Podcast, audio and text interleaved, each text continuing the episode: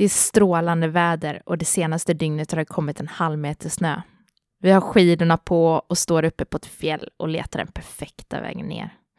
Oh yes, här ser det bra ut. Här åker vi ner. Första svängen i snön är som att surfa på skyer. Det är absolut perfekt pudersnö.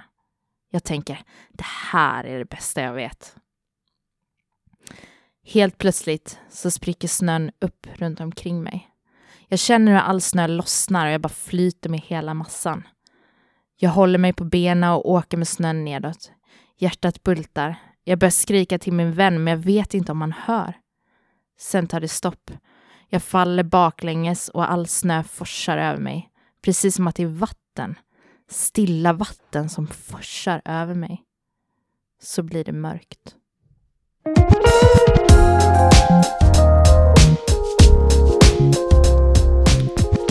Välkomna till Värpodden som presenteras av Meteorologiskt institut.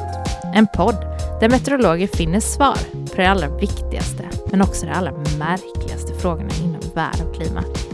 Jag heter Rebecka Rogentin och vid min sida har jag Mette Sundborg Skärdal. Bägge är statsmeteorologer från Meteorologiskt institut. Dagens avsnitt handlar om snöskred. Vi diskuterar och svarar på bland annat hur stort måste ett snöskred vara för att begrava en människa?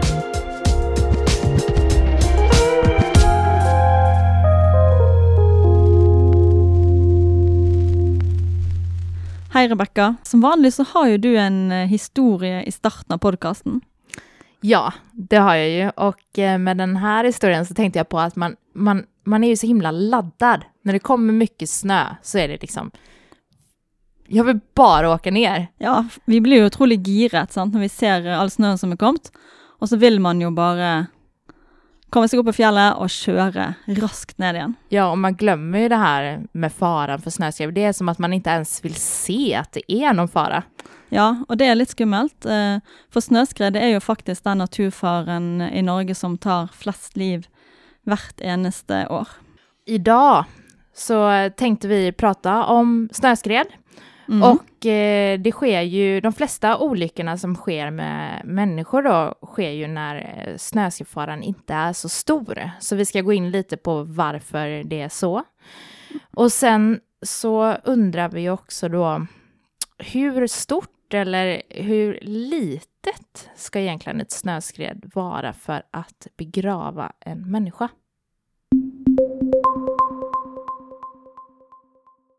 Det är väldigt många som vet att det finns en faregradsskala för snöskred i Norge. Eh, och den går ju från 1 till 5, där 1 eh, är då liten snöskredsfara och 5 är mycket stor snöskredfara. Mm. Detta är en sån internationell eh, faregradsskala. Alltså det vill säga att faregraden ska betyda detsamma i Norge som för exempel i Schweiz eller i Kanada. Och det som är eh, intressant här, det är ju att eh, de flesta olyckorna eh, där människor är involverade är ju eh, på faregrad 2 och 3. Ja, alltså på, då på moderat eh, eller betydlig fara för, för snöskred. Och det är ju så att eh, vid faregrad 4 och 5 så är det ju oftast väldigt mycket vär i kombination eh, med den höga snöskredfaran. Så då är det ju inte så många som är eh, ute. Nej, sant. Ofta så det blåser ofta väldigt mycket, det kan vara väldigt mycket nedbör. Eh, så då är det rätt slett så dåligt väder att alltså de flesta folk håller sig rätt och slett inne. Men medan det är faregrad 2 och 3 så kanske det har kommit mycket snö och det kan vara fint väder. Det kanske inte är så mycket vind. Mm. Och därför så eh, väljer man att eh, uppsöka skredterräng. Ja, folk eh, har kanske väntat lite på att det ska bli bättre väder och det har det blivit. Och så, så går det ut och så kan folk rett og slett bli lite lurt av det goda vädret. Och eh, vi kan ju bara klargöra det att eh, generellt så sker det nog flest snöskred när faregraden är fyra eller fem, alltså stor eller meget stor. Men alltså ulykkene i förbindelse med snöskred, alltså där människor är involvert, Eh, det skjer når faregraden bare er to eller tre, altså moderat och betydelig. Och eh, redan vid faregrad 2 så eh, anbefalles det att man undgår terräng brattare än 30 grader. Och det som jag brukar göra när jag går på en topptur, det är att jag undersöker ganska eh, noga innan jag ger mig ut och ser ifall det är några partier som kommer vara brattare än 30 grader. Och sen också ifall det finns risk att jag hamnar i en utlöpszon utlöpszone för snöskred. För även fast man går där det är eh, flatt så kan det ju fortfarande finnas partier vid sidan av en som gör att ett eh, snöskred eh, går. Mm. For det et snøskred eh, de kan jo òg fjernutløses, och så kan de faktiskt eh, bevege seg ganske langt ut på flaten under fjellsiden. Altså ved optimale forhold så er det en sånn tommelfingerregel som sier det at eh, et skred kan bevege seg faktisk eh, tre ganger så langt bortover som nedover. Altså, altså tre ganger så langt i horisontal retning som i vertikal retning. Si da at f.eks. skredet eh, løsner 50 meter oppe i en fjellside, så kan det faktisk teoretisk nå 150 meter ut fra fjellsiden. Det är långt. Ja, det er det, så det er jo absolutt viktig òg. Å ta hensyn til det òg når man er, er ute og, og går på tur. Men om man väl, om man redan är ute eh, i en backe eh, och ska se då ifall det är 30 grader, så, så är det ju till exempel en svart backe i ett liftsystem eh, är ju cirka 30 grader. Mm. Og så kan man jo òg eh, faktisk bruke stavene sine til å eh, se hvor bratt det er. Det finnes noe som heter stavtrikset. Okej, kan du förklara detta Mette? Ja, jeg skal prøve i hvert fall. Da må man ha to skistaver, det har man jo som regel, og så må de være like lange. Eh, Ja, så om man har tele teleskopstavar så är det viktigt att man sätter dem på lika längd då. Ja. og da kan man eh, legge da den ene skistaven i bakken og lage et avtrykk av den. Da legger man gjerne trinsen i øverste punktet, og så har man håndtaket nederst. Og så løfter man den opp, sånn at man, har, eh, man kan eh, holde i håndtaket og man har trinsen i snøen. Og så tar man den andre eh, skistaven, og så holder man håndtaket inntil eh, den første skistaven. Eh, og da skal da den andre skistaven henge rett ned. Altså han skal henge loddrett rett ned. Og så kan man føre da denne loddrette staven eh, sammen med den andre staven da, rett ned i bakken. Og hvis man da treffer utenfor eller nedenfor avtrykket som man har laget, så er det brattere enn 30 grader. Men hvis staven treffer på innsiden av avtrykket, så är det slakare än 30 grader. Ja, det var, det var gott förklart. Men om man inte riktigt hänger med på, på det så kan man ju alltid se, det finns massa bilder på nätet där man Ja. kan söka på stavtrixet. Det gör det. Okej Mette, men nu gör vi en liten undersökning här eh, hur mycket snö som krävs för att man ska bli begravd. Då. Ja. Som eh, vi säger först då. Eh, hur hög är man? Ja, skal vi si eh, sånn eh, veldig sånn grå vurdering, så kan vi si at vi er sånn cirka to meter høy. Och bred då? Eh, ja, ehm, en halv meter. och dyp? dyp. Ja, cirka sånn 0,2 meter dyp. Ja, och sen så använder vi våra mattekunskaper och gångrar allt detta samman så får vi ju i kubikmeter. Ehm, så då är det 0,2 kubikmeter, så snabbt räknar jag. Ja, det.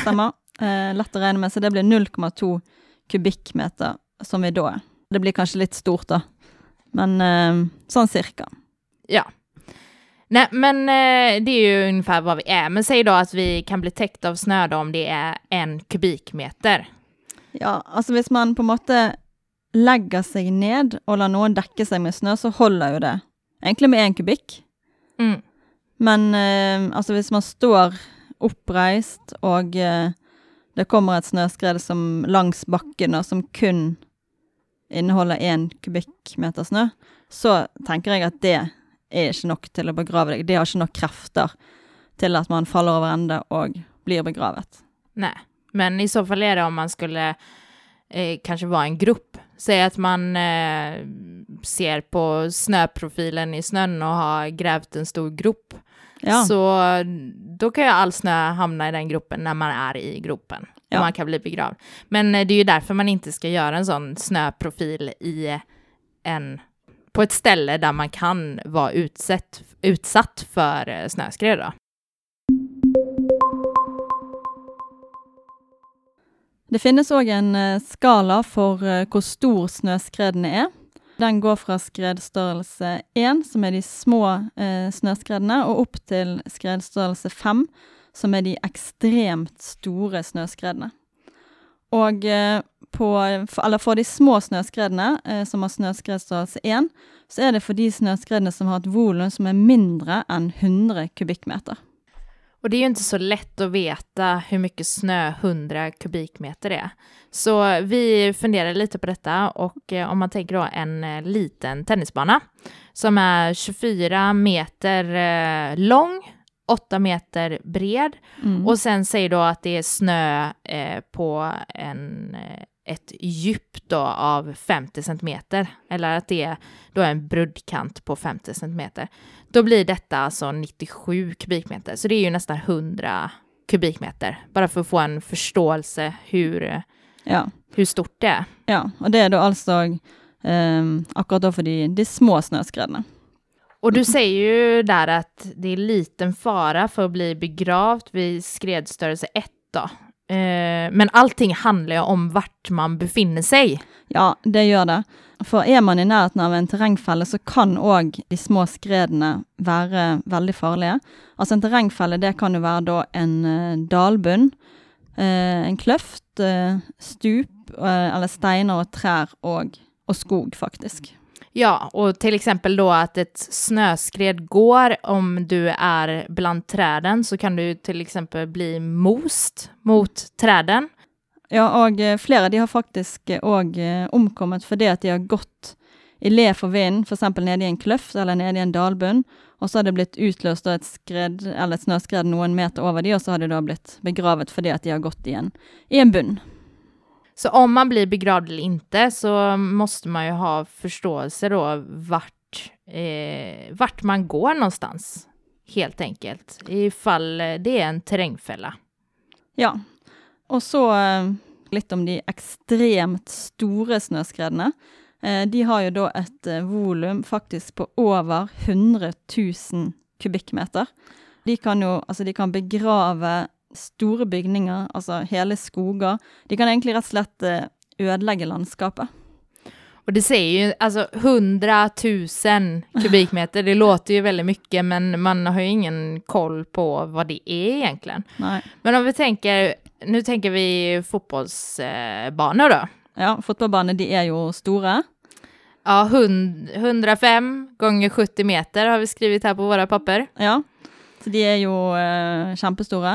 Og så kan vi tenke oss da syv stykker av, en sånn, av disse fotballbanene med en bruddkant, altså en dybde på snøen da, på to meter. Og da får man altså 103 000 eh, kubikkmeter snø. Så da kan man Ja, det er nesten vanskelig å forestille seg, men det er jo da enormt store, disse, disse snøskredene som, eh, som eh, er størrelse fem. Och det är inte konstigt att de kan begrava stora byggnader och eh, skogsområden och ödelägga landskapet. Nei, de kan være ekstremt ødeleggende. Då tar vi och sammanfattar lite vad vi har snackat om idag. Och eh, de flesta skredolyckorna sker ju vid eh, moderat och betydlig fara, alltså vid faregrad 2 och 3. Och detta för att flest folk är ute då och eh, vid faregrad 4 och 5 så är det oftast så pass dåligt väder att man inte är ute i fjället. Ja, og det skal faktisk ikke så mye snø til for å begrave et menneske. Og er man uheldig, kan man bli begravet òg av eh, små skred, da ofte på grund av terrengfeller. Og det er viktig å ha god kunnskap om vurdering av eh, snøskredfaren, og det er da viktig for å gjøre trygge veivalg. Och det man ska tänka på är att man har med sig spade, sökestång och sändare i säcken när man går ut på tur.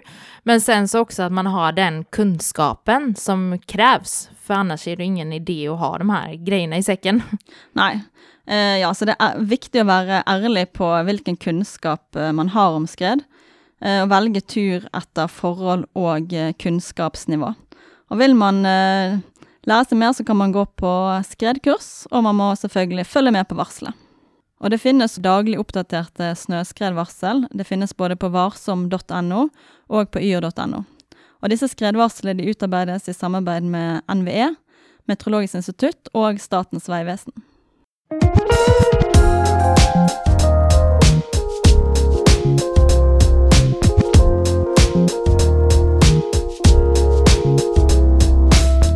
Du har lyssnat på Värpodden som presenteras av meteorologerna hos Meteorologiskt institut. Vi hörs igen nästa gång. Ha det bra!